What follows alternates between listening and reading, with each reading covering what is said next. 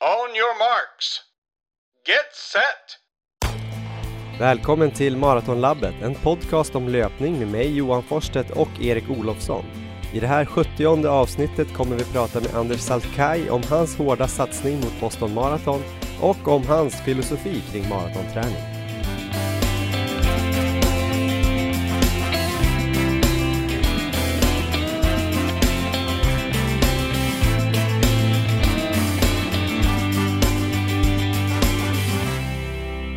Varmt välkomna till avsnitt 70, ett eh, litet jubileum så här en mörk februarikväll. Hur är läget? Det är bra, jag är precis hemkommen efter ett kvällspass faktiskt. Jaså? ja, vi har ju fått lägga om alla planer möjliga idag.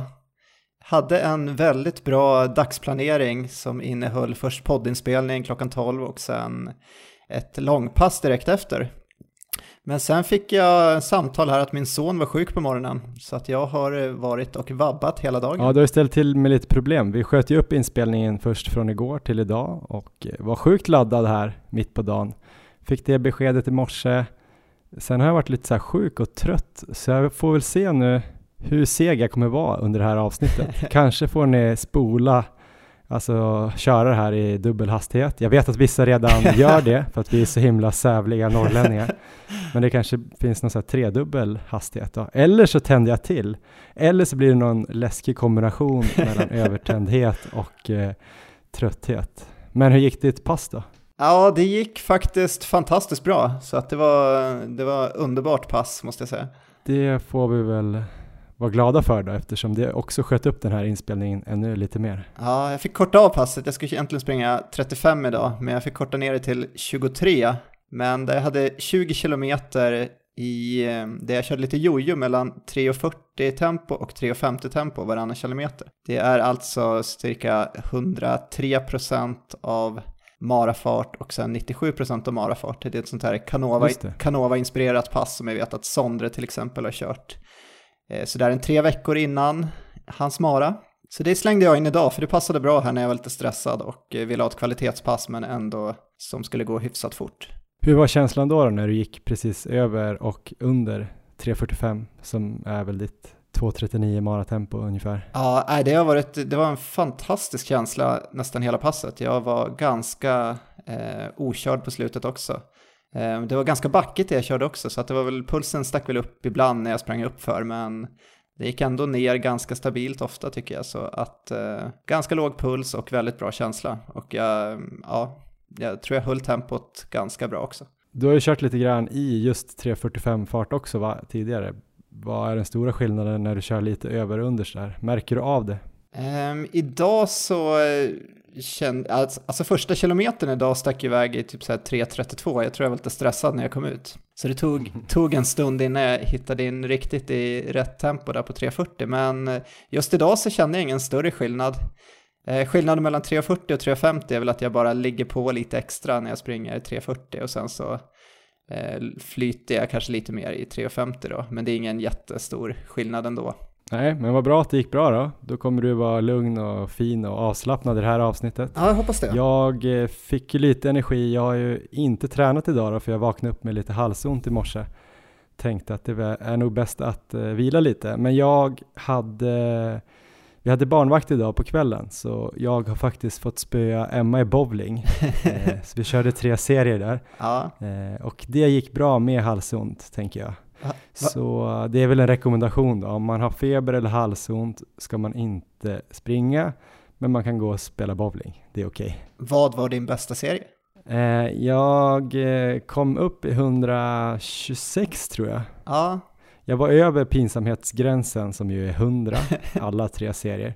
Eh, och det var jävligt länge sedan jag spelade. Ehm, så jag är ändå ganska nöjd. Jag tror att jag hade kunnat skärpa till mig och fått lite mer, eh, om jag hade fått lite mer motstånd så hade jag nog kunnat krypa upp lite till där. Men det får bli nästa gång. Emma får nog åka på något läger. Härligt.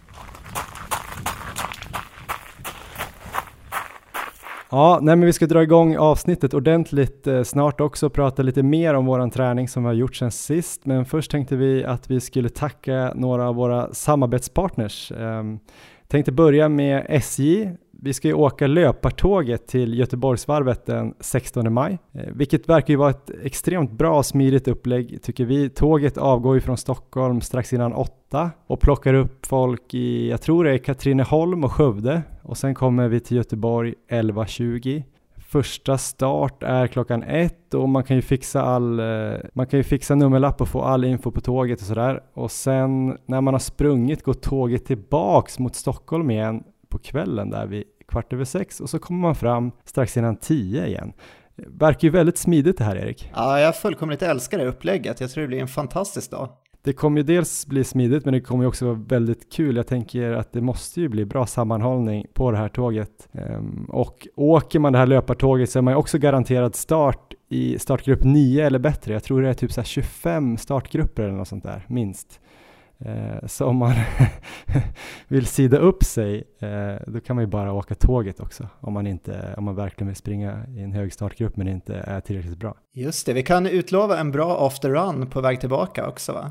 Ja, det blir after run i bistron på vägen hem. Eh, på vägen dit hoppas vi att vi ska kunna få livepodda lite, kanske i högtalarsystemet eh, på hela tåget. Det vore mäktigt ja. och dra igenom sista taktiken. Och det borde vi ju kanske också göra på vägen hem, någon race report. Det här kommer bli grymt, så ni kan gå in på SJ och kolla lite där och läsa om löpartåget och eh, håll utkik på vår Instagram och lyssna eh, på våra avsnitt här så kommer det säkert dyka upp någon eh, rabattkod. Ehm, det kommer bli grymt. Sen är vi också sponsrade av Löplabbet som ju är Sveriges största och, tycker vi, bästa butikskedja för löpning. Grymt kunnig personal där alla springer själva och har bra koll. Tänkte nämna några namn här bara. Bra löpare som jobbar eller har jobbat där. Olof Södergård, Claes Bengtsson, Linnea Isaksson. Eh, man vet att man kommer få bra hjälp eh, när man kommer dit. Ehm, I det här avsnittet kommer vi också faktiskt spela upp lite ljud från ett eh, event som eh, Nike hade tillsammans med Löplabbet eh, i förra veckan i Löplabbets butik på Kungsgatan i Stockholm. Det kommer bli intressant. David Nilsson bland annat kommer vi prata med och vi tänkte också tipsa om den här rabattkoden som vi har tillsammans med Löplabbet. Det är Maralabbet och den ger ju 20% på kläder, skor, nutrition och andra sådana här bra saker och 10% på all elektronik. Det blir ju till exempel 600 spänn på ett par Vaporfly, så det är ju en grym deal som nu gäller februari ut. Så ange Maralabbet både i butik och på webben. Och som om inte det här vore nog så har vi också ett nytt intressant samarbete med det svenska företaget Urbanista som ju är experter på ljud i form av hörlurar och högtalare ett av de snabbast växande företagen på marknaden och de har låtit oss prova deras sportlurar som heter Urbanista Athens som är Aten. Jag antar att de tyckte att Erik skulle ha något bra att lyssna i på sina 20 mila veckor och nattrundor. Och de här eh, hörlurarna är då alltså helt trådlösa, sådana här true wireless in-ear-lurar som är gjorda för att använda när man sportar. De är väldigt lätta, sitter bra i öronen. Eh, de är helt vattentäta och de ska ju till och med gå och simma med och duscha med om man vill eh, ha dem i fortfarande efter passet. Ja. Vad tycker du om de här lurarna? Jag har ju hunnit prova dem ett eh, antal gånger. Ehm, bland annat alldeles nyss när jag var ute på mitt eh, pass här. Eh, jag gillar verkligen att de är helt trådlösa. Jag har ju testat eh, ganska många modeller eftersom jag gillar att springa och lyssna på podd och musik och så vidare. Jag har aldrig testat just Urbanista förut, men väldigt positiv. Ehm, ljudet tycker jag faktiskt är märkbart bättre än alla de modeller jag har testat tidigare. Eh, jag ska väl tillägga mm. att jag inte är någon så här riktig ljudnörd så att jag har jättekänsla för ljudet kanske, men ja, till och med jag kan märka en stor skillnad.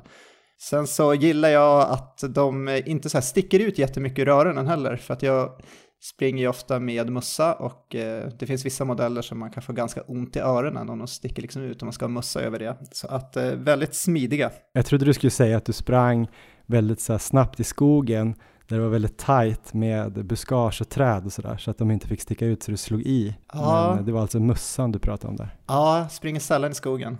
Nej, men jag har testat dem också. Jag brukar ju faktiskt inte lyssna så mycket på uh, musik eller podd när jag springer, men det är väl framförallt för att jag inte haft några bra lurar tror jag. Jag har ju nu med de här både lyssnat på podcast, musik och pratat i telefon under vissa rundor. Eh, och allt har funkat riktigt bra. Eh, de har ju också varit så här extremt lätta att komma igång med. Det var ju bara att ta ut dem ur det här laddningscaset som kommer med, som jag tror man kan ladda dem fyra gånger med. Eller om det är tre gånger så det är åtta timmar i första laddningen och sen kan man ladda tre gånger till. Så jag tror man kan ha 32 timmars eh, lyssningstid med de här. Just det. Och man styr ju allting på knappar på lurarna. Eh, det är lite olika kombinationer att lära sig, men det går ju att göra allting och byta låt och fram och tillbaks och höja och sänka och svara och lägga på om det är någon större som ringer och sådär.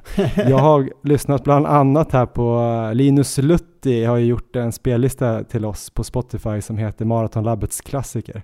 Ah. Den funkar jävligt bra i de här lurarna. Spännande. och eh, om det är någon som är sugen att testa de här lurarna eller köpa de här lurarna så kan ni gå in på urbanista.com och där får ni 25% rabatt eh, på lurarna om ni använder koden Maratonlabbet. Yes, men vi kanske ska kolla lite i backspegeln här då Erik. Eh, vad har vi gjort sen sist? Jag vet inte om jag ska börja. Jag har ju faktiskt sprungit en tävling. Då tycker jag du ska börja. Vi släppte det senaste avsnittet och eh, det var ju mitt första lopp för året och mitt första lopp någonsin på 3000 meter inomhus. Jag sprang ju den här vinthundsvintern för nu är det väl nästan 10-11 dagar sedan, så det känns som en, eh, en lång stund sedan. Men det var ju FK-studenterna som anordnade ute i Sollentuna i norra Stockholm. Just det. Um, har du hämtat dig förresten? jag har hämtat mig uh, ganska bra faktiskt, ja, i alla fall härligt. fysiskt. Jag vet inte om jag har hämtat mig mentalt. jag hade ju en uh, målsättning där, kanske min lättaste målsättning eller min mesigaste målsättning för året kanske. Ja jag skulle springa under 10 minuter hade jag tänkt. Jag hade ju ingen aning om riktigt vart jag stod. Några dagar innan här dök det upp att eh, studenternas duktiga löpare Björn Kaiser skulle hara det här hitet. Ja. Och han skulle springa i 9.45 fart. Och det kändes ju faktiskt då direkt som att det fanns ingen mening att försöka springa 9.55 eller något själv, utan det var ju bara att hänga på där och se om man hade kapacitet. Ja. Jag träffade ju dig några minuter innan det här loppet och eh, du höll väl också med om att eh, det var väl bara att testa och se ja, vad som hände. Jag kan väl tillägga här att jag, jag nämnde i förra podden att jag också skulle springa. Jag drog mig ur med lite känningar så att jag var bara där och hejade. Just det, men du gav mig lite mentala knep där hur jag skulle tänka. Eh, jag kommer inte ihåg exakt. Men Bra det var tips var det. Mycket mer att, ja, det var jättebra. Jag kan inte dra dem igen för lyssnarna. Ja, men du har ju blivit kallad L'Oreal-mannen här på slutet, så att eh, jag tyckte ju att du, du, skulle tänka på det där vid 1500 meter och verkligen bevisa att du inte bara springer snyggt, utan att du även har en bra vinnarskalle. Just det. Och även då att vi skulle ha en liten bankett där efteråt. Vi skulle åka in till Stockholm där på en restaurang.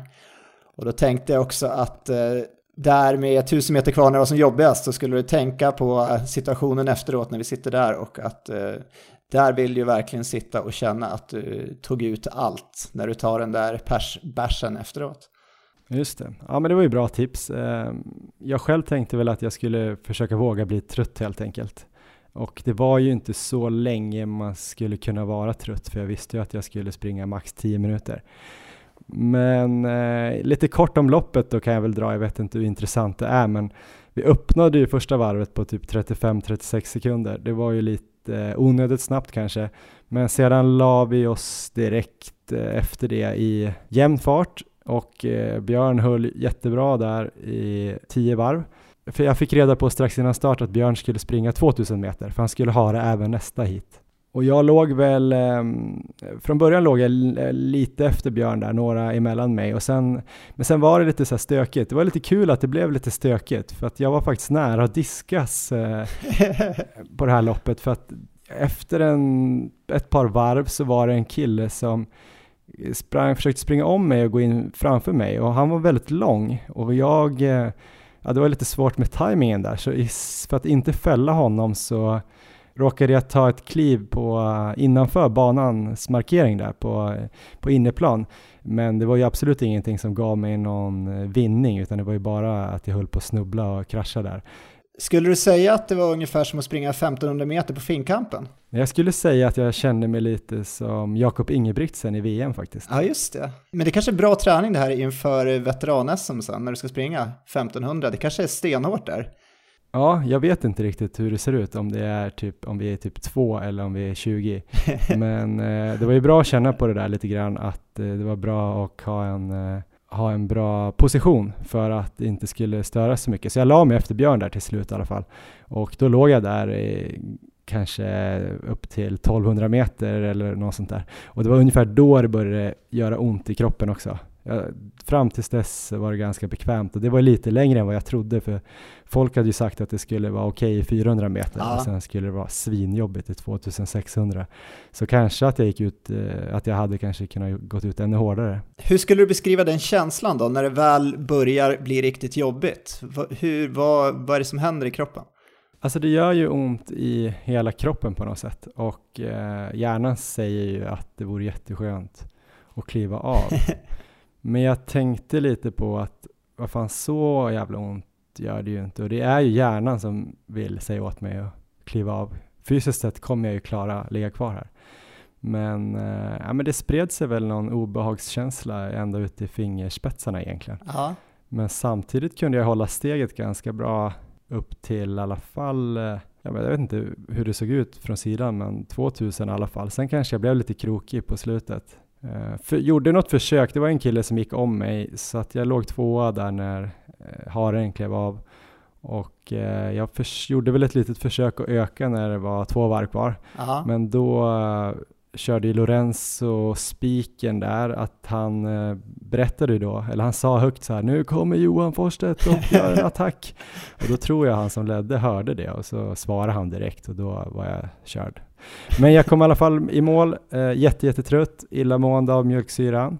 Kom in på 9.44, så det var ju eh, första målet för Maratonlabbet avklarat, vilket vi var ju nöjda med efteråt ja. där. Kan vara det enda målet som kommer klaras, så vi har ett i alla fall. Kan vara det enda målet, men, men, äh, men det var en, var en spännande känsla liksom, rakt in på utvecklingskontot.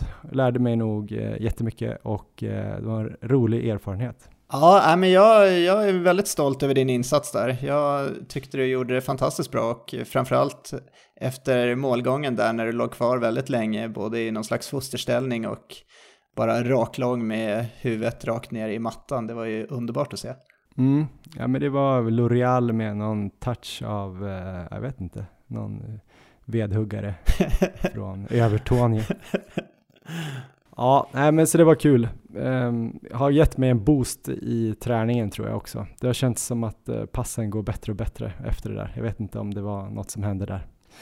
Själv då Erik, um, du har ju gjort en massa bra pass, eh, bland annat 2.47 på en maraton på träning. Ja, uh, hur precis. Hur fan var det? Ja, jag är som mitt i den specifika fasen nu kan man säga. Och eh, denna gång så har jag ju lagt nästan hela den här specifika fasen riktigt så här Canova-inspirerad. Och det har ju gått väldigt bra än så länge. Jag har ju verkligen varit ganska orolig hur det skulle gå och hur mycket känningar jag skulle få och så.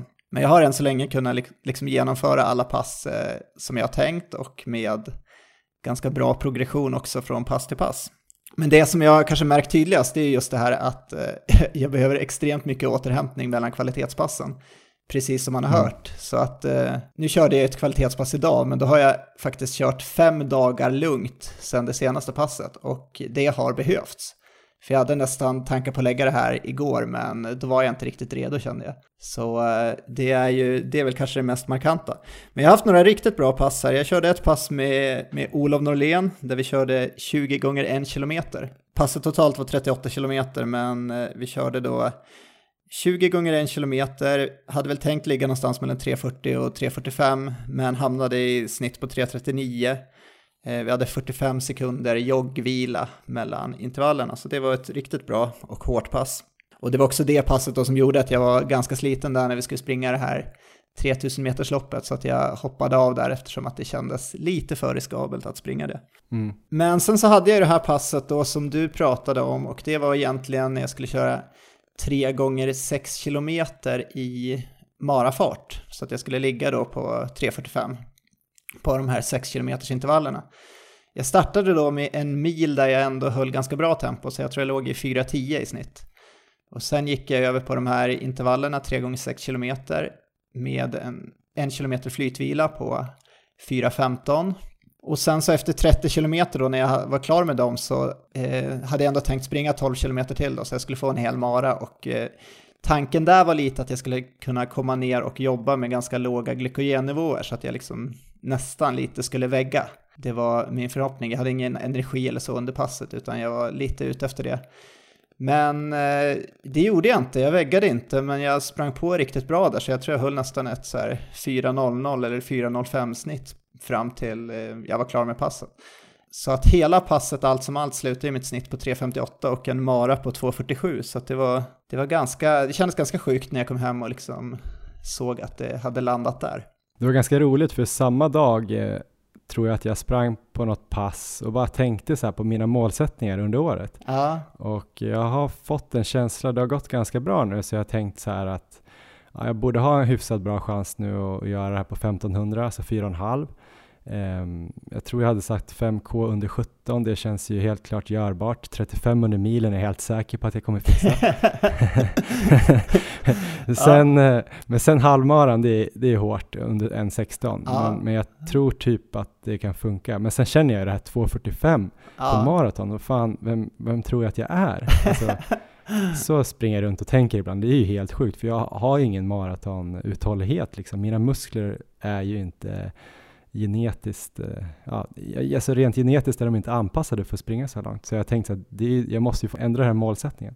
Men sen säger du dels att jag inte får det. Nej. Eh, och sen, sen tänkte jag nu när du gjorde 2.47 på träning, Alltså jag vet att du är jätteduktig och tränar skitmycket, men ändå, då tänker jag, jag måste ju försöka slå det i alla fall. Ja. Någon gång under året på tävling. Så, då, så det gjorde ju att jag har kvar det nu. Ja, härligt att även höra. Om det låter helt sinnessjukt. Jag ska ju tillägga med det här passet att det ju, även om det liksom kändes hyfsat lätt ändå, det var inte så att jag var helt mm. slut när jag kom in, så var det ändå när jag kör de här 3 x 6 kilometerna och ligger i marafarten, så är jag ändå uppe i ganska hög puls där. Eh, till exempel på den sista 6 kilometern, då är jag ändå uppe i 165-166 i puls, så väldigt nära tröskeln. Så jag tror inte att jag skulle kunna göra hela det passet på 2.38 till exempel. Utan jag mm. tror att hade jag liksom maxat då den dagen skulle jag ringa någonstans mellan 2.38 och 2.47. Vart vet jag inte riktigt. Så det är, ändå, det, det är ändå stor skillnad just när man kommer ner i det tempot känner jag. Från att ligga till exempel 3.45 eh, tempo till 3.55 tempo. Så eh, mm. det gör stor skillnad, men jag hoppas ändå liksom i Barcelona med några veckor till och med alla de här passen bakom mig och eh, förhoppningsvis en lyckad formtoppning så ska jag väl förhoppningsvis nå, nå dit i alla fall. Ja, det låter ju positivt i alla fall. Ja, men det ser ju lovande ut. Det är ju kul att det går, går efter planen också. Sen så nu är jag väl ganska nojig här då att jag ska dra på mig någon sjukdom, så det var skönt att få bränna av det här passet ikväll om jag nu skulle få den här förkylningen som Leon har. Ja, just det. Eller den jag har. Men jag tror inte att det smittar via podcast. men eh, man vet aldrig. Ja, jag tänkte vi skulle gå vidare nu eh, med en intervju i det här avsnittet och det är ju så här att du har ju först och främst här nu en målsättning att gå under 2.39 i Barcelona ja. för att kvala in till eh, SM-klassen i Stockholm Marathon. Men sen har du också sagt att du ska springa under 2.30 i år. Ja. En som också ska springa under 2.30 i år är ju den här personen som vi har intervjuat då, eh, Anders Salkai, som ju har sprungit eh, under 2.30 typ 44 gånger i sitt liv. Men eh, han har inte gjort det på uh, svinlänge. Nu i år fyller han 50 eh, och ska springa Boston Marathon och gör en satsning som man nog inte har gjort på de senaste tio åren och det tyckte vi var superintressant. Så därför har vi intervjuat nu Runners Worlds chefredaktör Anders Salkai och den intervjun kommer här. On your marks. Get set! Ja, då får vi välkomna Anders Salkai, chefredaktör på Runners World till Maratonlabbet. Hur känns det att vara här? Du är citat lite trött på att vara med i alla poddar. Nej, men det är, det är jättekul att vara här. Jag tycker att äh, ja, just när det är maratonlabbet, det handlar ju om maraton och det är ju min distans. Så det känns eh, hedrande och kul att få vara här. Sen kan man ju ibland känna den här känslan att man är med överallt och att folk kommer tröttna lyssna på hur man tränar och vad man gör. Men eh, ja, vi får se om det bara stänga av för lyssnarna här om de inte gillar, gillar det. Den här gången tror jag faktiskt inte att folk kommer stänga av för att eh, det känns som Anders Alkaj har fått lite extra energi till löpningen här eh, inför det här året. Du fyller 50 och ska nu springa under 2.30. Eh, varför? Ja, nej men som jag sa inledningsvis, maraton är min sträcka. Det är ju den jag har alltid ja, sprungit eh, bäst på, tyckt varit roligast och så vidare. Och sen så tänkte jag just att när man når en liksom milstolpe i sitt liv, att man kommit ja, förmodligen mer än halvvägs i alla fall, så, så tänkte jag att jag skulle försöka göra en, en lite större satsning och springa lite snabbare igen. För att jag har under ett antal år, eh, ja, man blir ju långsammare och långsammare och testa och försöka hitta nyckeln till att eh, bromsa av den här eh, tidsförsämringen som det ändå har blivit genom åren. Och se om jag kan eh, ta upp den några snäpp igen och då tyckte jag att just att 2.30 var en, en gräns som känns hyfsat utmanande men ändå rimlig att jag skulle kunna klara av. Hur eh, svårt är det för dig att komma under 2.30 tror du? Hur hårt är det här målet? Nej, men jag har ju sagt någon gång tidigare att jag har ändå sprungit 44 gånger under 2.30 i tävlingssammanhang då, så jag har gjort det många gånger så jag vet ju vad som krävs men det som jag inte vet det är ju vad som krävs nu när jag är så pass gammal. Um, så att, och, och, det är väl en av de roliga delarna i det, att försöka anpassa det här. Um, och liksom ja, skruva till träningen utifrån både då ålder, uh, en ganska sliten kropp och um, ändå att man har ett liv i sidan av löpningen. När var senaste gången du sprang under 2.30? Uh, det var för tio år sedan då hade jag väl en, ja, inte riktigt så stor ålderskris som jag har nu kanske, men eh, då gjorde jag också en liten extra satsning eh, just när jag fyllde 40 då. Då sprang jag Stockholm Marathon på 2.26. Mm. Eh, men min ambition var väl lite från början kanske att just sikta ner mot en så pass snabb tid. Då, men, men sen har jag insett att det, det känns inte realistiskt att, att nå dit utifrån var jag befinner mig idag. Det skulle vara, ja, jag vet inte ens om jag skulle klara det även om jag fick träna liksom helt som jag vill. Men jag vet ju också att jag måste balansera på rätt sida skadegränserna. Just det. Men känner du att kroppen på något sätt har kvar i muskelminnet hur det är att springa liksom under 2.30 eller vad, hur känner du att Kommer det vara lättare för dig? Nej men alltså jag, jag har ju alltid behållit en viss nivå så jag har ju en, en bra grundnivå. Det som, som man kanske inte kanske har svårare att sätta sig in i som, som motionär att, att jag har under ett antal år tränat väldigt, väldigt hårt och jag har bränt ut vissa depåer i min, i min kapacitet. Så att jag tror att en, en driven motionär som har en viss grundtalang skulle liksom ha, kunna ha en mycket snabbare utveckling än vad jag har nu. Mm. Eh, för att min, min kropp, liksom, den, den tar inte till sig riktigt det som jag lägger in nu eh, utifrån att den är inte så, så pigg och fräsch. Samtidigt så har jag ju all kunskap i världen och jag har ju under så pass lång tid som jag har sprungit i 36-37 år lärt mig mycket i hur jag kan hantera vissa grejer som kommer under resans gång här. Så att jag, det finns ju både plus och minus liksom i, i den här bakgrunden jag har, men ändå mest plus tycker jag. Du nämnde här lite grann med att du måste balansera med ditt vanliga liv. Som jag har förstått det utan att ha full insikt så har du jobbat en hel del de senaste åren här med Runners World och även dina pro program och TSM och allt vad det kan vara. Hur får du tiden nu och, och var kommer kraften ifrån att lägga ner den här tiden på löpningen också? Men kraften kommer nog, alltså i grunden, och det, det, kan jag säga ärligt, det är ju att jag älskar att springa, jag älskar att träna och det är ju någonting jag alltid har gjort oavsett om jag har ett mål eller inte. Eh, men nu har just det här målet adderats som är ganska tydligt och konkret och det gör ju liksom ändå att den här drivkraften blir ännu starkare att göra lite mer än det jag normalt sett gör i glädjen i löpningen. Att liksom utmana mig själv i att försöka då ta mig till den här nivån för att klara, klara slutmålet. Mm.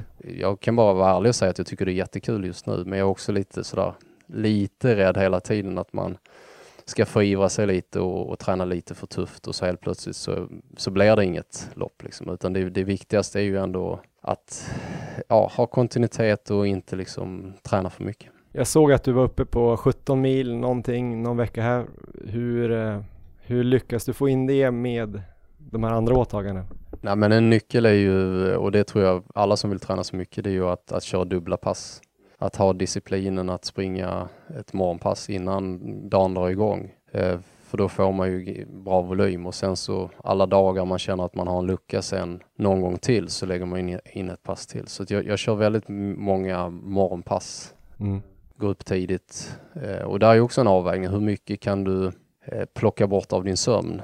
Och där har jag liksom försökt nu i den här då resonera att de senaste åren så har jag plockat bort ganska mycket sömn. Men nu trots att jag tränar mer så är det en av nycklarna i att jag försöker addera, att verkligen vara disciplinerad, försöka ha sju timmar varje natt. Mm.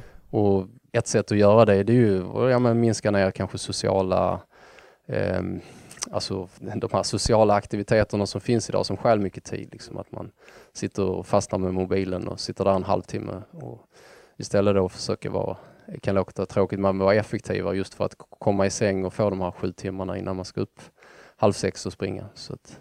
Men eh, vilken skillnad är det på liksom hur du tränar nu och jämfört med när du kanske var elitaktiv, vad ska man säga, 15-20 år sedan? Mm. Ja, men det, den största skillnaden är framförallt den kvalitativa träningen. Att jag, eh, jag kan inte springa lika fort och jag kan inte heller um, tillgodogöra mig den, den, liksom den här e-, extrema tuffa träningen. Jag känner att om jag försöker mig på den typen av träning så blir återhämtningsperioden blir lite för lång och eh, då missar jag liksom andra delar. Så det gäller så jag kan inte kopiera liksom de tuffaste passen jag gjorde då utan jag får modifiera allting till att vara lättare och lite det som kanske idag är en trend att köra mycket tröskelträning. Eh, det tycker jag passar bättre när man har blivit äldre. Just det, det var min eh, följdfråga faktiskt. Att jag tänker dels har du blivit äldre, du kanske måste anpassa dig, men dels kanske det har kommit nya influenser, vad vet jag, eller nytt på modet eller gamla grejer som har gått upp så här. Är det något du har plockat upp där? Kör du dubbeltröskel också eller? Ja, alltså för mig så känns ju dubbeltröskel som kanske en eh, en omskrivning bara för att man, man får ett, ett, fint namn på det idag som, som då blir, blir virtuellt, eller liksom det sprids att dubbeltröskel är med. På min tid så var det mer att man körde tufft, eh, en hårdare morgonjogg och sen så körde kvalitet senare. Och I princip blev det som en dubbeltröskel. Just det. Bara det vi kallade det aldrig det, för det begreppet liksom fanns inte. Nu, nu finns det och nu kanske det är lite mer tydligt också. Det som jag tror att man är bättre på idag när man nu pratar dubbeltröskel, det är ju att inte gå över gränsen i hur tufft en tröskel får vara. Mm. Eh, där tror jag att vi kanske var lite, på min tid, lite, lite sämre på att kontrollera det. För vissa av de här dagarna man körde hårt två, två pass var, körde man för tufft för sitt eget bästa på, på ett av passen. Det som det handlar om det är ju liksom ligga på rätt, rätt sida gränsen i hur mycket trötthet du får ansamla under passet. Men vilken typ av pass annars är det som du måste modifiera nu jämfört med förut? Jag har ju sett att du kör rätt hårda kvalitetspass på Bosön. Ja men det kanske, jag tror att de här kvalitetspassen man ser att jag ändå kör, de är ju de är ju faktiskt ganska kontrollerade. Jag blir ju trött och sådär men det, jag kör nästan aldrig all out. Nej. Och det gjorde jag lite mer när jag liksom på min elittid. För det behövdes för att pusha min gräns. Mm. Eh, nu behöver jag, mot slutet på posten kommer jag säkert behöva lägga in tuffare pass också. Men nu handlar det om att, att bara genomföra passen med kontinuitet och ligga med en liten, vad ska man säga, buffert till, min, till mitt maximala. Och där är väl en, en grej som jag kan se när jag tränar många grupper sådär att Eh, många motionärer har ju en tendens i att verkligen vilja pusha ut allt det här sista. Och det är ju en väldigt skön känsla när man har gjort det, men det är väldigt slitsamt också och jag tror inte att man alltid har nytta av det utan man måste hitta en balans. Samtidigt kan man aldrig bli riktigt bra om man aldrig vågar bli trött. Det är inte det jag säger, utan men i vissa sammanhang så tror jag att man, man mår bra av att känna att jag skulle klara en intervall till, men jag stannar nu. En total volym med mer intensitet? Ja, total volym med lite lägre intensitet, eh, belastning och ändå då få en progression som är snällare för kroppen och som är lättare att ta till sig. Hur ser eh, din filosofi ut kring maraträning annars? Har du någon filosofi? Vad är Salkais, eh, vad är de viktigaste delarna? Så i grunden är jag ju mest numera, mm, ska man säga, coach för eh, motionslöpare som vill nå olika tidsmål. Det kan vara allt från springa under tre timmar på morgonen som en, ett tufft mål för många. Samtidigt kan ett mål för en annan och vara under fyra timmar vara lika tufft. Mm. eh, där handlar det väl egentligen om att lyfta filosofin att alla oavsett nivå kan träna alla typer av pass. Mm. Eh, att man kan liksom eh, hitta en fin variation genom att nyttja allt det fina som löpning har att erbjuda. Så man inte bara fastnar i att man kör samma typ av träning utan man kan våga laborera med, med alla de moment som, som finns att lyfta fram i löpning. Så det är väl den, den, den grundfilosofin jag har. Sen har jag ju förändrat mig genom åren lite från att ha kanske haft mer kvalitativ inriktning till att gå över lite mer till att, att liksom volym och lite lägre intensitet är en större nyckel för många än att köra tuff kvalitet. Du sa att alla löpare oavsett nivå kan köra samma pass, men om man satsar på maraton, vilket jag då tänker krävs en viss volym i alla fall i grund för att få en bra, en bra tid mot vad man har på en halvmara eller en mil eller sådär. Men kan man träna eliten och motionären likadant, förutom att man då anpassar lite volym och fart såklart? Ja, men jag tycker att man kan kopiera mycket av det eliten gör, men liksom, ja, skala ner det, precis som du säger, att, att man tar ner antalet repetitioner, man tar ner eh, belastningsnivån ett litet snäpp. Eh, men att man kan våga köra samma typ av backe som elitlöparna gör, samma typ av intervall. Det man kan tänka på på intervallen kanske är att om en eh, elitlöpare har skrivit att man sprang 2000 meters intervaller så för den löparen så kanske det handlade om sex minuter eller sju Mm, minuter. Då kanske det inte är att man som motionär går in och springer 2000 utan man springer då så långt man hinner på 6-7 minuter. Just det. Jag tänker, det har kommit ganska mycket influenser och vi i Maratonlabbet har ju snackat ganska mycket om det här med Canova och hans syn på maratonträning med ganska hårda långpass och mycket marafartsintervaller, kanske till och med bara två hårda pass i veckan sista 8-10 veckorna. Hur ser du på den typen av träning? Ja, men jag, jag tycker det är intressant och det är många, finns ju många vägar som bär till slutmålet, definitivt. Men jag har ju aldrig själv att någon, ja ska man säga, jag har aldrig applicerat riktigt tuffa långpass. Det har inte varit eh, varken på mig själv eller på dem jag har coachat. Eh, därmed inte sagt att man inte ska springa tufft ibland, men majoriteten av mina långpass personligen och de jag rekommenderar tycker jag ska gå i i lugn fart. För jag tycker man når så fin effekt på det och eh, man har större buffer till att få ont och bli skadad. Men man kan inte bara köra lugna långpass och tro att man blir bra, utan då måste man addera och ha någon kvalitativ träning. Så jag tycker liksom att den här kombinationen med kvalitativ träning, alltså intervaller och så vidare vid sidan av lugna långpass, det, det är den som jag tycker funkar bäst. Mm. Sen eh, har jag väl någonting som själv hade i min karriär men som man kanske inte riktigt räknade som långpass men som ändå var det men som i en del idag har i sin filosofi. Det är ju liksom att man kör liksom tröskel. Man bygger upp en, ett långpass genom att man kör olika tröskeldelar eller fartlek och så vidare. Mm. Um, jag hade ju den delen också men jag kallar ju inte det riktigt långpass även om de passen blev 25 kilometer så, så var det mer ett, ett intervall eller tröskelpass som blev långt. Men så, så de renodlade långpassen var för mig, alltså jag sprang oftast, låt oss säga att jag skulle springa maran i min bästa form på runt 3.10 per kilometer så låg jag kanske i fyra minuters fart. Så 50 sekunder från det jag skulle göra och jag tyckte ändå att de långpassen gav mig väldigt mycket. Så jag tror fortfarande på det, jag har inte ändrat mig riktigt. Men däremot förkastar jag inte, det går inte att blunda för att de allra snabbaste löparna idag, de kör tuffa långpass. Mm. Men de här lite då eh, halvlånga passen då, som blev 25 med lite snabbare farter, är det lite likt de här marafartsintervallerna då som Ja, kanske typ, Canova det gör? kan vara alltså fyra, fyra gånger fem kilometer Mm. liksom, eller tre gånger fem kilometer med en lite längre uppvärmning, lite längre ner varvning så Mm. att säga. Och där blir ju då en fartdel på 15-20 kilometer som man, Mm. som man då har i ett sånt pass. Men jag har ju inte kallat det långpass innan förrän nu det liksom har blivit mer vedertaget. Och faktum är att jag har ju testat nu på våra stora motionsgrupper att, att köra, om man säger då, eh, tröskellångpass. Och det är faktiskt många som har uppskattat det och tyckt att det varit ganska kul och lätt att få ihop 20 kilometer genom att man då delat upp det i lite snabbare farter men ändå då få en indelning istället för att ligga och mala in. Så, så det, ja, man är aldrig eh, färdiglärd utan man kan ju alltid ta in influenser och testa på. Det tycker jag är kul. Men har du också en känsla av, eller vi pratar ju mycket om att den här Canova-inspirerade träningen blir väldigt hård ju, som du också säger att det kan ju vara kanske många som faller av den där. De bästa kanske gör det, men mm. man ser inte de som inte blev bäst. Eh, kan du känna det också, att det blir något ansvar? Jag menar, skulle du sätta in 38 kilometer varav 33 i 95 procent av marafart kanske inte så många skulle komma till Stockholm Marathon, eller?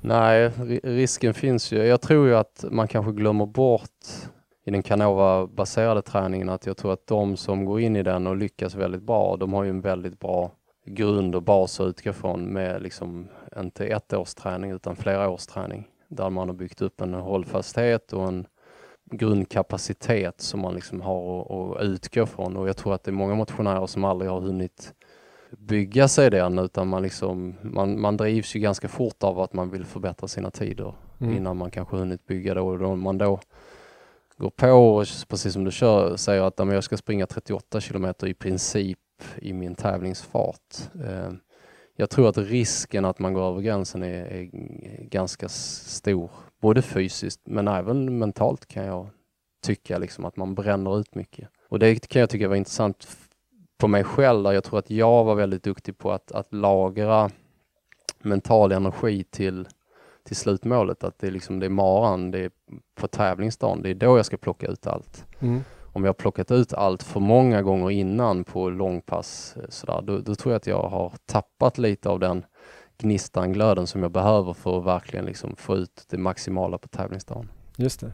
Du sa i eh, den här RV-podden som precis har startats med LG och Peppe, där du också pratar lite om din satsning här mot Boston, att du skulle springa någon halvmara inför, fast du visste inte riktigt vart det här skulle ske, men då hade du nästan ett mål att springa i princip långsammare än Ja, men jag, ja precis. Jag, har, jag, har, jag ser det som en, en, en träningsdel där jag inte vill kanske bygga upp eh, allt för stor mental anspänning i att jag ska prestera max. Sen kanske det, jag menar, det kan vara en liten rädsla också för att outa liksom var, var man står och är. Men eh, om man ser historiskt sett så har ju jag varit väldigt duktig på att springa eh, halvmaraton i min träning gentemot lopp som ofta har gått antingen lite långsammare eller i den fart som jag sen har hållit på själva loppet. Mm. Eh, så jag har sällan gjort snabba halvmar och sen så sprungit ett, ett maratonlopp eh, egentligen bra efter det utan, utan för mig har det funkat att ja, det finns många exempel. Göteborgsvarvet på 1.09, två veckor senare Stockholm Marathon på 2.16. Alltså jag har haft det, den typen av del och då har jag ju sett halvmaratonloppen som väldigt, väldigt bra träning där jag liksom springer tufft, blir, blir riktigt trött men jag ändå har känslan av att, att det här ska jag kunna fortsätta när jag går i mål helst, att, att det är den känslan man vill ha. Om man tar det som exempel då, många springer ju i Göteborg eller varvet två veckor innan Stockholm eller kanske Köpenhamn, nu har det blivit lite populärt in, två veckor innan Berlin till exempel. Tycker du då att man ska gå ungefär på sin marafart och spara några procent? Gäller det för alla tror du eller är det mer bara för dig själv? Eller kan man göra ett, en maxprestation och sen två veckor ladda om? Jag, ehm, jag skulle nog säga så här att eh, om man har huvudmålet som det, det, andra loppet, alltså det som kommer två veckor efter, eh, då är det det som är det viktigaste. Då tycker jag att man, man ska aldrig gå in med någon specifik tidsambition på det här eh, förloppet, alltså halvmaran då som man kör innan, utan man ska utgå från sin känsla den dagen. Har man en väldigt bra dag, man känner själv att det, liksom, det kommer lite av sig själv, då är det fine, då kan man köra på järnet, för då kommer återhämtningen ändå vara bra, man kommer ha nytta av det. Men känner man att eh, liksom, nej men det kommer inte av sig själv, jag får kämpa väldigt mycket idag, då tycker jag att man liksom ska omvandla det ganska omgående till att nej, det här blir ett bra pass inför um, det här kommande loppet där jag ligger på liksom, ja, fine, jag har mitt viktiga framför mig så idag ska jag bara springa igenom och få ett bra pass. Mm. Så jag tycker egentligen att beslutet kan tas på själva tävlingsdagen i beroende på vilken känsla man har. För det är min upplevelse att om jag har bestämt mig för mycket, ja men nu ska jag springa på en 10 och så känner jag men det kommer inte av sig själv. Liksom. Då är det mycket bättre att jag landar in på en 11.30 och har en bra känsla. Men däremot om, det, om jag känner att det funkar bra, då är det bara att köra. Liksom. Men hur ser det ut nu då? Hur mycket ändrar du från, eh, jag tänker mig att du har haft någon typ av grundperiod här i vinter. Nu börjar det bli, det är väl bara två månader kvar lite drygt. Går du över på en annan typ av träning eller kör du ganska varierat hela vägen in? Jag kör ganska varierat hela vägen in, men det som kommer mer och mer nu det är ju att jag måste ha mer, lite mer fart i min träning. Mm. Eh, för det krävs ändå en, en grundfart för att klara tidsmålet att hålla 3.32 per kilometer i 42. Så det innebär att jag måste jobba med eh, löpning där jag springer eh, ja, klart snabbare än den eh, maratonfarten jag ska hålla. Så den typen av träning kommer att liksom öka upp andelen. Det kommer att finnas fler inslag vid vissa pass där liksom jag går över den här eh, fartgränsen. Nu har jag jobbat väldigt mycket precis i, runt maratonfarten Mm. och försökt eh, istället bygga upp en bra volym i, i den farten. Men, men jag behöver, jag i alla fall personligen vet att jag behöver även snabbare delar för att kunna springa avslappnat då i 3.32. Så det är kanske en annan filosofi då än Canova till exempel då som springer väldigt mycket i exakt marafart in mot eller precis plus minus 5% och du vill ha lite mer känslan av att maratonfarten är långsam nästan. Ja, precis. Så där, eh, ja, och i, jag har väl experimenterat med olika typer men det är ändå, jag tycker att för mig har det, den typen av upplägg funkat bäst. Tror du att det är olika löpare svarar olika på de här två olika typerna av träning, att det passar olika bra sådär? Ja, definitivt. Och det i tror jag. fall vilken Det- typ? Ja, ja det blir alltså det blir så ja, generellt eller svårt att säga men, men eh, alltså jag har ju jag har ju eh, löpartyper som man ändå har då haft förmånen att få hjälpa som har svarat olika på olika typer av träning. Så är det. Det finns ju de som som eh, blev riktigt slitna av att, att köra snabbt liksom och, Mm. och om man då blir det så kanske det inte då kanske man ska hålla sig kvar på sin, sin maratonfart och fortsätta med bra volym och så vidare. Hur långt skulle du komma i 3.32 fart idag? Eh, nej men jag definitivt tror jag än, än om jag har en om jag skulle lätta upp min träning lite grann just som jag förmodligen kommer, ja, det kommer jag göra inför halvmaran då, så då hoppas jag liksom hålla ungefär eh, en, en halvmara i alla fall. Och volymmässigt då, kommer du ligga kvar ungefär på samma nivå hela vägen fram eller kommer du sänka eller höja? Det är klart du sänker sista två veckorna och sådär men, men just. Ja, jag, jag sänker absolut lite sista två veckorna, men jag är inte någon person heller som, som gillar att liksom ta bort för mycket träning. Jag har en känsla i att man lätt blir lite, lite seg, man är lite ovan vid det så att säga. Eh, Men däremot kommer jag ju fortsatt som jag gör nu pulsera. Så jag, det är inte så att jag kör 17 mil varje vecka utan det pe- pendlar ju mellan eh, någonstans runt 10 som, som minst nu då Ja, Okej. upp till 17. Jag ska ha, jag har som mål i alla fall ha eh, några, ja, i alla fall tre veckor till där jag ligger på 17-18 mil. Just det. Men, i, men jag, jag, min kropp klarar inte att köra det vecka ut och vecka in utan jag måste gå ner lite. Så. Vad pulserar du på för hur många veckor kör du liksom? Ja men det, nu kör jag inte, alltså skulle jag göra ett statiskt upplägg så skulle jag nog köra en, en, eh, en pulsering i alla fall var fjärde vecka. Ja. Men nu blir det lite, lite beroende på hur min jobbsituation ser ut. Eh, som förra veckan så hade jag eh, tre resor under veckan där jag visste att volymen skulle vara svår att få in. Så då blev det liksom att naturligt att det blev en, nel, alltså en, en lättare vecka rent volymmässigt. Då.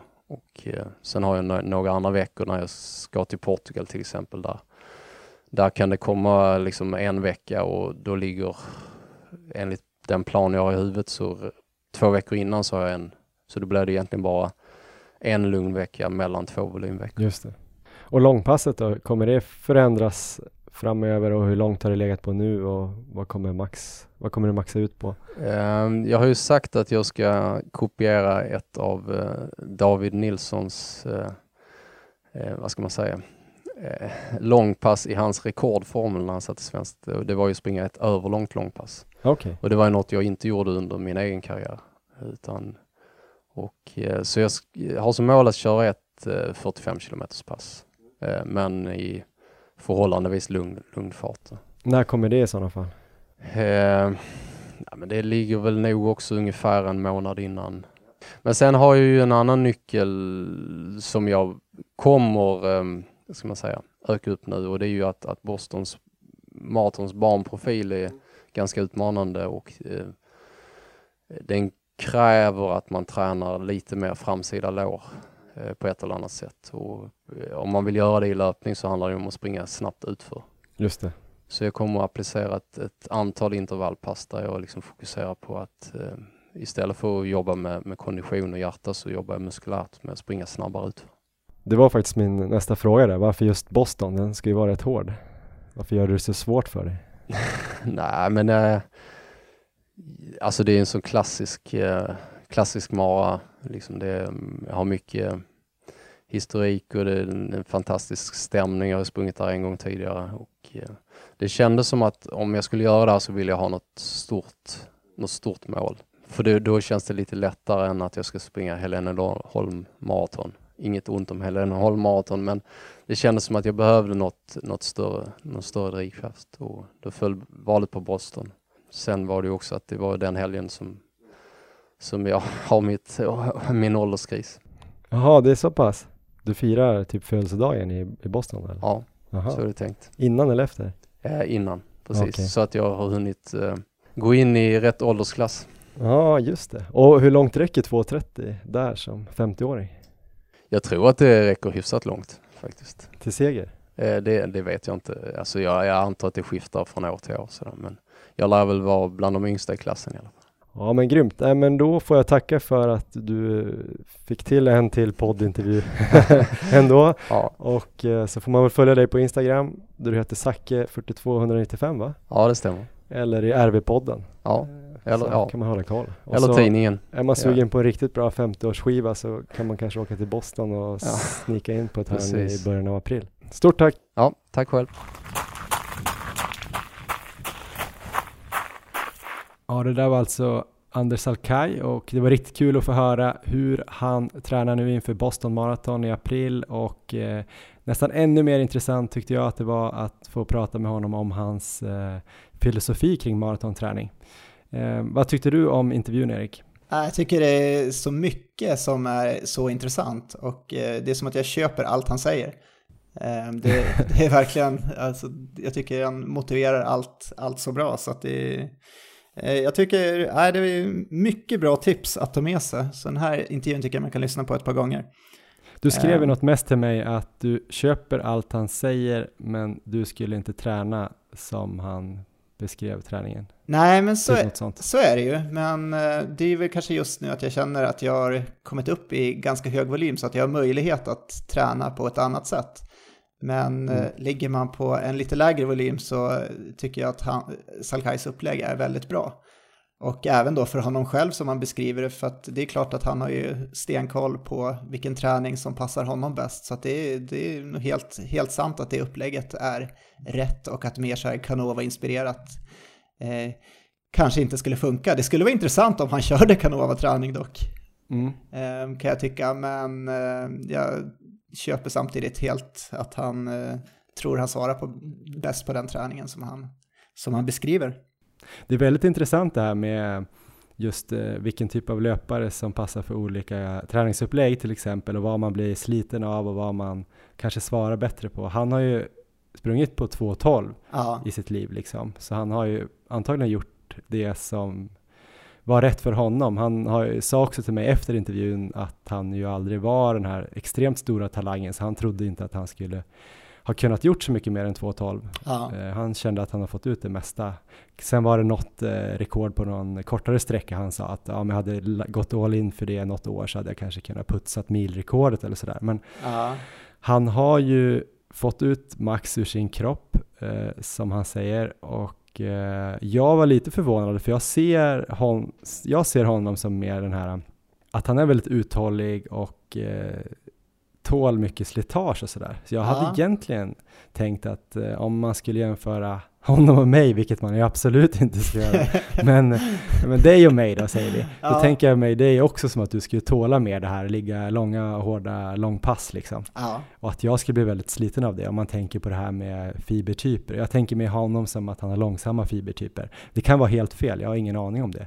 Men att jag tänker att han skulle svara bättre på de här långa, långa trösklarna eller långa, hårda. Men han säger ju själv att han blir väldigt sliten av dem och istället får väldigt mycket bang for the buck på det här lite, lite snabbare och att han gillar att springa snabbare än marafart mycket för att sen kunna känna sig avslappnad i, i marafart och sådär. Och det är ju lite tvärtom då kanske vad vi lärde oss 2018 när Ja. vi pratade mycket med Christian Munt som ju är inspirerad av Canova.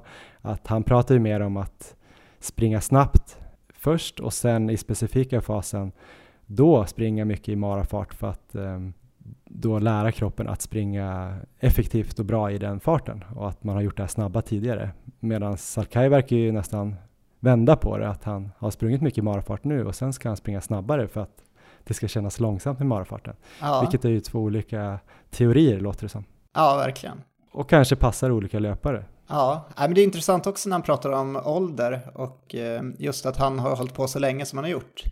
Eh, Mm. Så det, om vi kopplar det till vårt åldersavsnitt till exempel, så är det ju ganska tydligt just att om man har varit elitlöpare länge så är det ju svårt att eh, liksom kanske svara på en viss typ av träning. Och att få den här utvecklingen då, eh, säg att man har då en 10-12 år pratar vi väl om att man har där man verkligen kan liksom utvecklas, men efter det det. så blir det mycket svårare. Ehm, och han är ju inne på precis samma sak där, att det gör det ju mycket svårare för honom att eh, liksom få, få en riktigt eh, bra utveckling på träningen nu. Ehm, så det är ju positivt för alla då som är, kanske ser sig själva som nybörjare.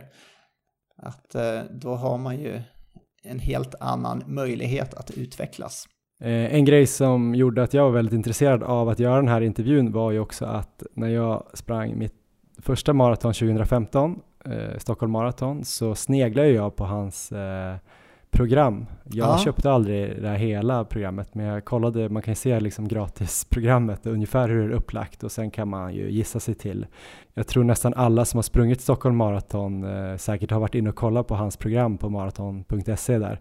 Och då, då sprang jag ju efter dem ganska mycket. Jag sprang ganska mycket tröskel, alltså han har ofta fyra gånger tio minuter hade han. Jag tror vi sprang efter tre eller 3.15 programmet. Ja, Eh, lugna långpass eh, som går upp till 38 kilometer tror jag, fyra fem veckor innan loppet, men utan någon fartökning. Sen har han väl några med lite ehm, fartökningar i, men inte sådär jättelånga sjok, utan kanske något progressivt på slutet.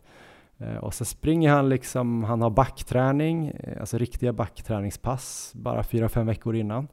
Eh, Och då körde jag efter det ganska mycket. Sen kom jag aldrig upp i de här 38 kilometers passen och det gjorde väl att jag inte höll sista milen ja, på den maran. Men sen var det så intressant för när vi läste på här 2018, då gjorde vi mer det här att det var väldigt, väldigt specifikt sista åtta veckorna. ja, Vi eh, körde absolut ingen eh, tröskel, alltså, eller jag körde ingen ren tröskelträning. Jag körde lite tröskelfart, men då hade jag ganska lång vila. Jag sprang absolut inga backar sista åtta veckorna, utan det var ju när jag tar på det här marafartspassen. Och då tänkte jag typ att ja, de här som går efter Salkais program, de går ju miste lite om alla de här marafartsintervallerna som jag tyckte gav mig supermycket och de här hårda Ja. långpassen. Men nu när jag har snackat med honom igen så, så jag vet inte riktigt vad, jag tror att det landar ganska mycket i det här mm, som du också var inne på i början att springer man kanske runt 10-12 mil eller mer och Ja. har gjort det kanske har kommit upp i det på några år, ja, Ja. då kanske man kan snegla lite mer mot marafartsintervall, hårda långpass, man kanske håller för det. Och är man inte riktigt där, då kanske det är bättre att springa lite varierat och ehm, för då kanske man inte är så duktig liksom generellt som löpare än och man kanske inte tål det här hårda. Lite vad vi var inne på, det var svårt att göra Canova på åtta mil för Ja. att milen räcker inte till riktigt. Det tror jag. Jag tror att är man ganska ny inom löpning, även om man då kommer upp i de där kanske 8-10 milen, så funkar nog Salkais upplägg mycket bättre än Canova tror jag. Så äh, men jag, jag tror hans, hans program är helt rätt för ganska nya löpare och löpare som inte springer jättehög volym. Sen är jag lite inne på, jag som är en diplomat av rang och gillar liksom att kompromissa eller köra lite å ena sidan och andra sidan.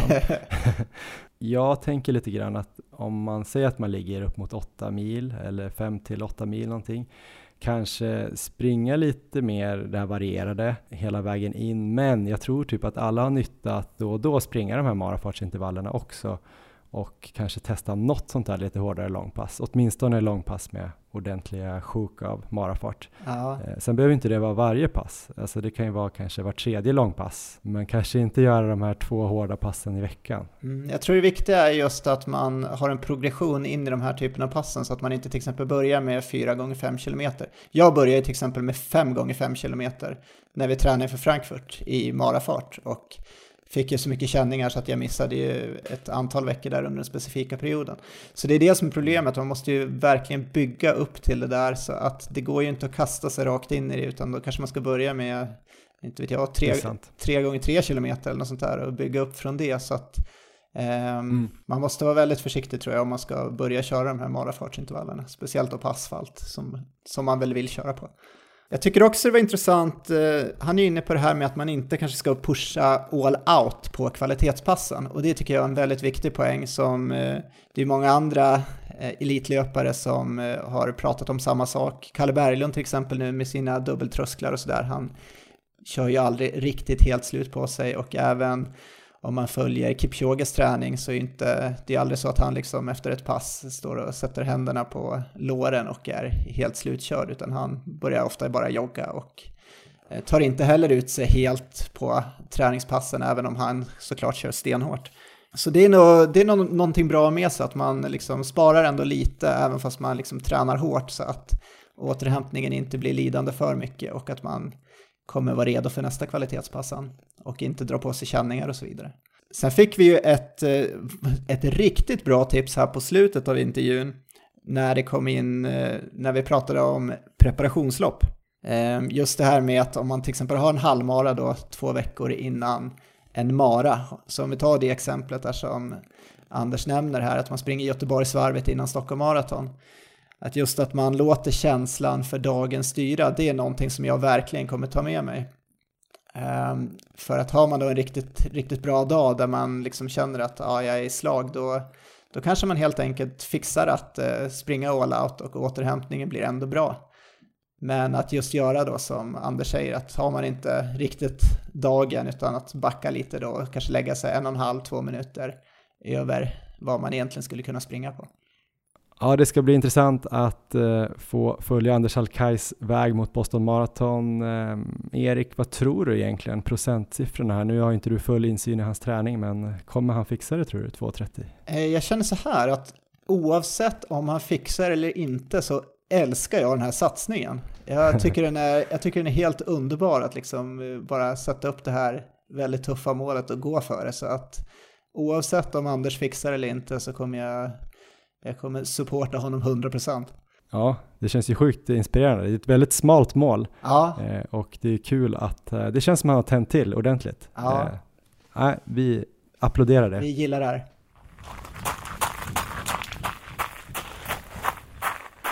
Grymt! Vi har en till punkt här eh, innan vi ska snacka lite mer om framtiden Erik. Vi har ju varit på ett event med Nike på Löplabbet i Stockholm. Vi har ju utlovat lite ljud därifrån. Eh, och med ljud så är det ju inte bara eh, konstigt eh, miljöljud och eh, skosulor mot golvet eller så, utan det är ju mer att vi har gjort lite intervjuer bland annat. Men jag tänker att egentligen så behöver ni inte veta mer bakgrunden, att det var Nike som hade ett event för sin nya den här Infinity React eh, skon som eh, sägs kunna minimera risken för skador och eh, där var vi och en massa andra eh, duktiga löpare och eh, andra personer i den här löpdiskursen eller vad man ska säga. Vi spelar upp det vi har därifrån helt enkelt. Här kommer det. On your marks. Get set. Ja, Erik, nu är vi fortfarande kvar här på Löplabbet. Det har varit ett eh, event här med Nike där de har presenterat den här nya Infinity React-skon som ska sänka skadefrekvensen med 52 procent. Har haft en trevlig kväll. Efter en mycket trevlig kväll Johan. Det var intressant. Vad tycker du har varit mest intressant med presentationen av den här skon eller svaren här från David och Tony? Ja, lite både och, men just det här att eh, till exempel pronation kanske inte är så viktigt längre tyckte jag var spännande, för det har jag tänkt mycket på tidigare i år och när vi började med Maratonlabbet så eh, tänkte jag mycket på det, köpte, köpte mer så här stabila skor men förra året så frångick jag det och började köpa neutrala skor. Jag har ju bara haft en lätt pronation då har jag hört sedan tidigare. Och det har ju funkat hur bra som helst, jag skulle säga att det har funkat bättre så det är på något sätt stödjer ju de här nya rönen. Mm. Ja men det har varit väldigt kul att lyssna på det här. Vi tänkte bjuda på uh, två intervjuer också. En med David Nilsson och sen med Tony Arndt. Men vi tänkte börja med den svenska rekordhållaren på maraton. Här är David. Yes, David Nilsson från Löplabbet här på Nike-event. Nybliven Nike-löpare först och främst, hur känns det? Det känns mycket trevligt och bra. Tror du, att du sprang ju i Valencia med den här uh, Vaporfly-skon, uh, lite om, uh, diskuterat efteråt, men uh, kommer du bli en bättre löpare nu när du har gått över till Nike? Ja, jag är alltid en skeptiker så det återstår att se faktiskt. Um, men uh, de grubblerierna hade nog funnits oavsett om jag hade varit kvar med Reebok eller inte. Så, um, när, när det gäller uh, val så känner jag att jag gjort allting rätt nu. Och den här skon som vi har snackat lite om idag då, som du har på dig, Nike Infinity React, eh, häftigt namn. Eh, beskriv skon och löpkänslan. Ja, eh, den är ju rätt ny på marknaden. Jag har hunnit springa två gånger i den. Eh, den har ju en, eh, ja, min, min första pass i skon var faktiskt efter en veckas sjukdom. Och det vet man ju, det brukar kännas liksom eh, rätt segt och sådär. Och så var det faktiskt inte den här gången så skon har ju verkligen någonting som piggar upp. En lite extra stöt, stötdämpning som är skön för kroppen och eh, så är skon eh, väldigt lätt också så eh, jag skulle säga att den liksom följer samma struktur eller mall som Pegasus Turbo eller Vaporfly eller möjligtvis eh, Zoomfly så ehm, det känns som att det är en Nike-familj där som tänker eh, någorlunda likt kring alla modeller.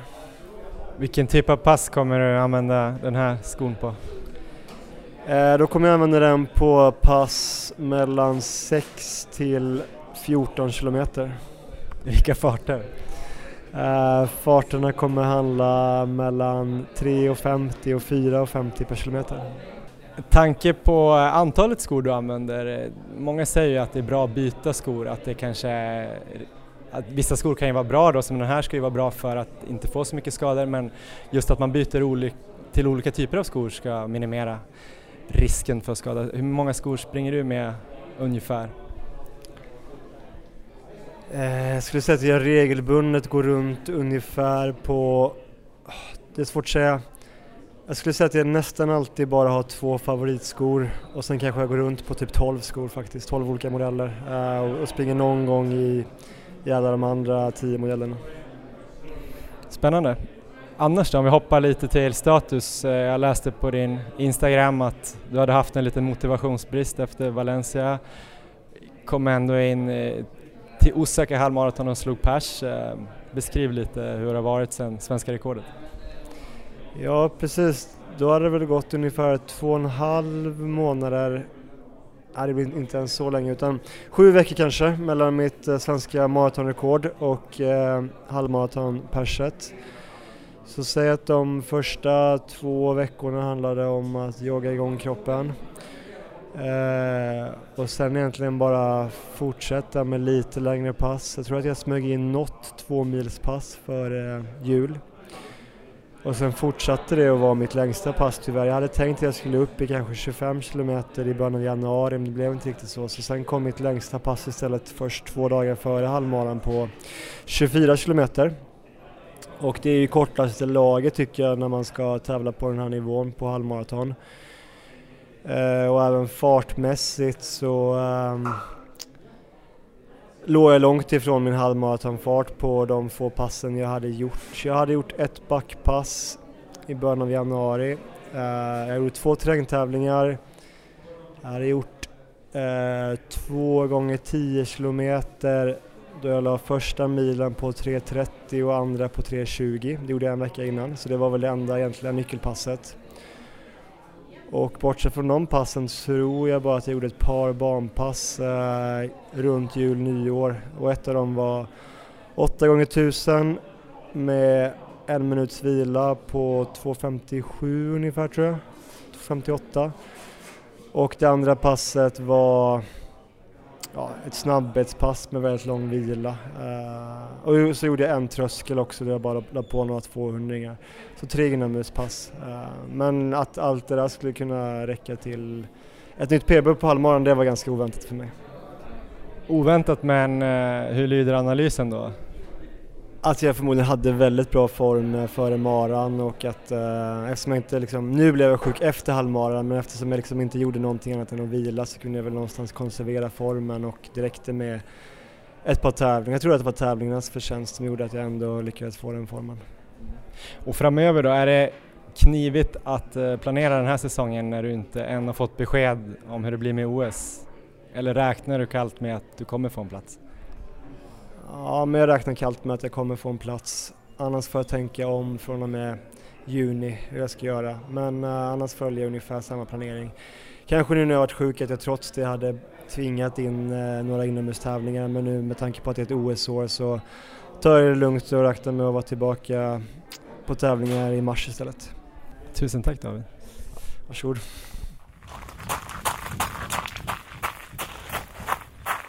Ja, då står jag här med Tony Arndt, eh, professor på GH. Berätta lite vad du gör där.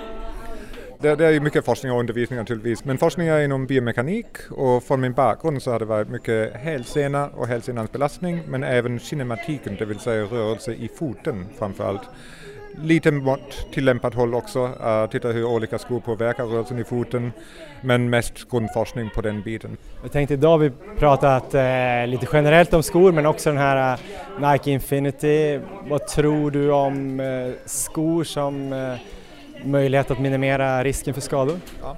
Jag, jag tror det är otroligt svårt för företag att hitta någonting som motverkar skador. Men jag gillar idén med det här, att det är något som tillåta en individuell löpare att springa med sin skill som är komfortabel och bekväm och, och som därmed inte belastar anatomiska strukturer mer än det behöver. Och de har verkligen försökt med den skor att göra något som kan tillåta det. det kommer, vi behöver se om det funkar såklart, det, men det är en väldigt bra utgångspunkt tycker jag. Vad är det mer konkret i skon som eh, ja. gör att du tror att det kan ja. bli bättre? Ja, vi, jag har tänkt lite på det här. Det, det, jag tycker det är fyra punkter som är ganska direkt mot det. Och det, det är dämpningsmaterialet, uh, väldigt tjock som många skor är nu för tiden och mjuk som tillåter att man har den löpsteg som man vill ha. Det istället för en pronations motkontroll så är det hela bakfoten, både lateral och medialt som ska vara stabil men inte kontrolleras allt för mycket. Sen överdelen är väldigt mjuk och lös kan man nästan säga. Så där kan foten göra ganska mycket på skon som, som den vill. Och sen är det det här, den är väldigt bred framför. Så den är stabil utan att påverka någon pronation för mycket. Så den, den tillåter mycket men är ändå något som ska vara bekvämt och ändå stabil så att man inte ja, knickar över för mycket historiskt sett har det varit mycket att det har kommit, eh, först kanske det kom mer stötdämpande skor någon gång på, jag vet inte om det var 70-talet, sen har det varit eh, minimalistiska skor för att det skulle förbättra, för att man ska springa bättre på framfoten. Det har säkert varit fler olika sådana här innovationer. Eh, när tror du vi kommer få se den perfekta skon? Inte, för att den är individuell helt enkelt.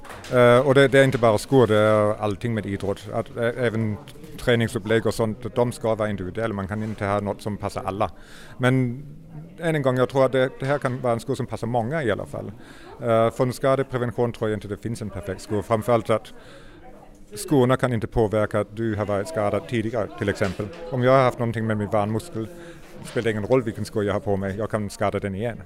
Uh, och perfekta skor prestation, det är där vi kanske är på gång nu med, med Vaporfly och olika skor som inte bara Nike men andra tillverkare också som har börjat med karbonplattor. Men det är prestationshöjande saker som jag pratar om.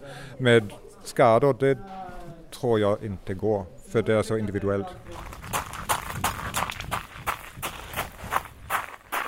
Ja, det där var en riktigt trevlig kväll Erik. Det var ju också kul, eh, vi satt ju och käkade lite efteråt och jag tror både du och jag var lite höga på våra pass som vi hade gjort den dagen. Ja, Kommer inte riktigt ihåg, men du hade ju sprungit det här 2.47 passet va? Det var väl då? ja just det, det stämmer. Och jag hade gjort någon eh, dubbeltröskel där, sprang, eh, där jag sprang liksom i 3.50 fart på förmiddagen utan att ha någon puls alls. Och sen gjorde jag väl något så här 10 gånger 3 minuter i 3.38 snitt, knappt eh, ansträngd. Typ något sånt. Och så var den här kvällen väldigt trevlig. Ja. Men vad tänker du kring eh, skor då och Nikes nya, den här eh, Infinity? Vi har inte fått springa i den ännu tyvärr, men den verkar ju intressant ändå. Ja, nej, men jag tycker det är jättespännande och jag vill absolut prova den och jag tror, jag tror ändå att den liksom eh, kan hjälpa. Nike har ju legat i framkant med skoutvecklingen så att det, det är definitivt värt att prova. Men sen är det väl lite som Tony är inne på att eh, det viktigaste för att undvika skador är ju att strukturera upp träningen bra och eh, fixa återhämtning och de bitarna. Men sen så är det klart att skoval kommer väl också spela in, men kanske lite längre ner på listan. Då. Ja, verkligen. Eh, Det som är intressant är väl kanske just då är att det kommer lite mer tjocka skor som fortfarande är lätta och sådär. Det har vi snackat Ja. lite om att man kanske på lite lägre nivåer då, att man, eh, eller på alla nivåer egentligen, att man kanske återhämtar sig snabbare efter långa pass och maraton och sånt där. Att det blir lite lättare att kunna kanske springa mer än förut. Sen om just de här skorna kommer göra att eh, skaderisken sänks, det låter väl vi vara osagt. Men det är ju en spännande skoutveckling just nu. Verkligen. Och i vår kommer det ju garanterat väldigt många nyheter. Det är ju många som ska släppa då sådana här kolfiberskor eller vad man säger. Så det gäller väl att hålla ögonen öppna och eh, gå in på löplabbet.se några gånger i veckan här nu framöver. Och eh, där kan ni då använda den här koden också. Maralabbet, då får ni 20% rabatt februari ut. Så ni får hoppas att det kommer riktigt bra skor här i februari. Framöver här då Erik, hur tränar du den närmsta tiden? Nu börjar det nästan dra ihop sig. Det är i alla fall mindre än en månad. Nej, det är exakt en månad typ till Ja. Barcelona Marathon. Ja, men det mest spännande passet jag har framöver är på söndag.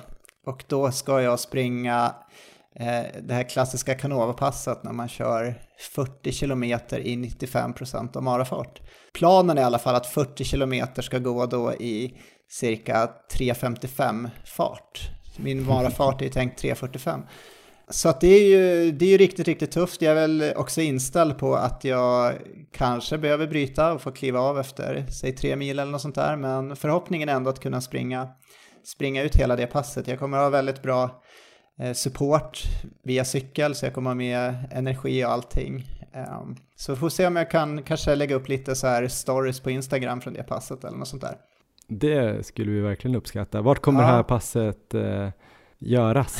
Kommer det läggas i Uppsala? Går det liksom att köpa biljetter och sitta någonstans och titta? Kommer det vara varvbana eller kommer det vara Det kommer gå en lång sträcka? två gånger fram och tillbaka mellan Uppsala och Storvreta eh, på cykelvägen. Så det är bara att cykla förbi där. Jag drar väl igång vid 12-tiden så kom och heja om ni inte har något bättre för. Ja, spännande. Min brorsa bor ju ganska nära Storvreta. Jag kanske ska åka dit och, och bo över där och ha någon sorts uppesittarkväll på lördag Ja, och sen eh, komma ut där med lite picknick och heja. ja, Eller så gör jag inte det. Vi får se. Jag har ju lite helt andra pass än dig nu ska jag vilja säga och det är ju lite kul för podden. Du ska springa typ eh, 40 kilometer i 3.55. Ja. Jag kör lite specifika pass för 1500 meter, typ så här eh, 10 gånger 400 eller liknande. Ja, det är jävligt stor skillnad just nu. Ja. Sen är väl i och för sig min eh, 1500 meters fart lika snabb som din maratonfart typ. nej, Inte riktigt. Men eh, jag har ju lite, det börjar dra ihop sig mot eh, veteran-SM här nu. Det är Just ju det. faktiskt bara två veckor kvar till när det här släpps och eh, jag har ju byggt ganska mycket uthållighet och gjort en del pass i, eh, alltså specifika fartpass. Men har väl några av de här passen som Andreas Almgren tipsade mig om kvar att pricka av. Så jag ska försöka lägga in de här. Nu ska jag bara se till att den här förkylningen läker ut eller vad man säger ja, i natt. Sen kanske jag på inrådan av dig kommer köra en lugn dag imorgon då. Ja. eh, och så kanske jag lägger in och hårdare på fredag istället. Och eh, vi får väl se om det blir de här 5 gånger 400, 5 gånger 300 och 5 gånger 200 eller om det blir 10 gånger 400. Något av de passen är jag faktiskt lite sugen på. Och sen om en vecka ungefär ska jag köra det här. Uh, han tipsade ju om ett pass där man skulle köra typ 1000 meter i 1500 meters fart. Just och sen det. hade man ju typ 6 minuters vila eller något. Ja, Och sen gjorde man en 800 i samma fart och så var det en stege ner ända till 200 där. Och så var det ganska generöst med vila men det var också riktigt hårda, hårda farter så det där 1000 meters eh, intervallen blir nästan som ett lopp för mig då. vart lägger du ett sånt pass? Jag kommer att lägga det, jag hoppas, jag kan faktiskt nästan efterlysa nu i podden kanske, om det är någon i Stockholm som nästa torsdag, alltså vad kan det bli för datum? Det måste bli runt den eh, 20, kanske inte just den 20 för jag fyller fan år den 20 men det skulle i och för sig vara en jävligt rolig födelsedagspresent att höra mig. Men jag funderar på att sticka ut till Bosön och springa Ja, för att få det väldigt specifikt på 200 meters bana inomhus och bra väder och sådär. Eller alltså inget väder. Eh, men annars kanske det blir stadion eller något sånt där. Det känns också mäktigt. Så det blir väl, eh, jag tror det är nio dagar innan loppet och det var väl något sånt Almgren sa att man skulle göra en riktig jävla genomkörare då. just det. Spännande. Och Bosön ska vara riktigt trevligt har jag hört. Ja, spännande och Bosön hör ihop, eh, precis som du säger. Vi har ju precis faktiskt eh, fått klart eh, vår planering för ett eh, träningsläger i början av april. Eh, 3 till 5 april tänker vi anordna ett träningsläger just på Bosön. Det kommer ju bli helt magiskt. Vi, kommer, vi har bokat upp eh, rum där eh, med helpension, frukost, eh, lunch, middag, eftermiddagsfika, kvällsfika. Mycket mat, Ja, men det kan behövas för vi kommer träna väldigt hårt där. verkligen. Vi har ju planerat in att köra två pass minst på fredagen, Ja. två pass lördag och ett pass på söndag. Sen kommer vi nog krydda med lite styrka. Jag tror det kanske kan bli bara fem, alltså det kan bli fem löppass rent av och sen blir det nog lite styrka och förhoppningsvis lite teori och andra grejer. Vi kommer släppa ännu mer information om det här lägret på Instagram, så håll utkik. Eh, Det här vill ni nog inte missa. Bosön andas ju kvalitet och olympisk anda. Man kan liksom vara där och springa och så kommer typ Anders Gärderud med Johan Olsson på axlarna Ja, jagandes av eh, Jimmy Lidberg eller någon annan stark brottare. Nej men det är mäktigt att vara där. Man träffar alltid på någon. Sist jag var där med, eller inte sist jag var där, men jag har varit där och sprungit någon gång. Jag tror jag kanske har nämnt det i podden. Så blev jag omsprungen av Napoleon Solomon. Hängde på faktiskt ett Ja. varv. Jag tror han körde lite längre intervaller än vad jag gjorde. Eh, ja men eh, nu svävar jag iväg här men 3 till 5 april på Bosön, boka in det och sen kollar ni på Instagram och hör av er till oss om ni är intresserade. Har vi glömt något kring lägret? Det kommer vara perfekt för alla för att kicka igång säsongen ordentligt inför alla lopp som sen kommer i april och maj och juni. Det kommer också vara helt perfekt för de som kanske siktar på Lidingöloppet för vi kommer ju springa en hel del på Lidingöloppsbanan har vi tänkt för den går ju för, precis förbi där vid Bosön. Eh, Så det kommer bli långpass på söndag eh, där bland annat. Abborrbacken kan det nog bli lite backträning i också. Det tycker jag vi borde få in. ja det blir magiskt där. Då ska vi börja runda av det här Erik, tänker jag. Håll utkik då på Instagram, där vi heter Maratonlabbet ska vi också säga. Eh, håll också utkik på Strava eller på Instagram stories för att se om Erik fixar det här eh, 40 km i 3.55 på söndag. Jag tycker också att ni ska veta att vi nästa vecka kommer att eh, göra ett avsnitt igen på fredag. För vi har ju ett eh, samarbete med Maratongruppen och eh, framförallt då Asics Stockholm Marathon där vi kommer ha fått möjligheten att göra några extra avsnitt här i vår. Ja. Och det första av dem kommer nästa fredag helt enkelt. Så då blir det varje vecka utgivning här några veckor framöver. Vad säger du om det Erik? Ja, riktigt roligt och det kickar igång med ett riktigt intressant ämne som vi ska nörda ner oss i. Vi ska göra nästa avsnitt, vi kan säga det redan nu för vi ska göra det och det är allt om långpass eh, för maratonträning då. Ehm, vi kommer ha en intressant gäst, vi kommer sammanfatta allt som vi har lärt oss under drygt två års tid. Så det kommer bli en liten bibel, tänker vi, i ljudformat om eh, långpass. Kanske för höga pretensioner, men eh, vi kör ju smala mål det här Ja. året och vi kör så även i podden. Det kommer bli en bibel om långpass alltså nästa vecka. Ehm, fram tills dess så får ni ju ha det extremt bra. Och du också Erik. Tack Johan, detsamma.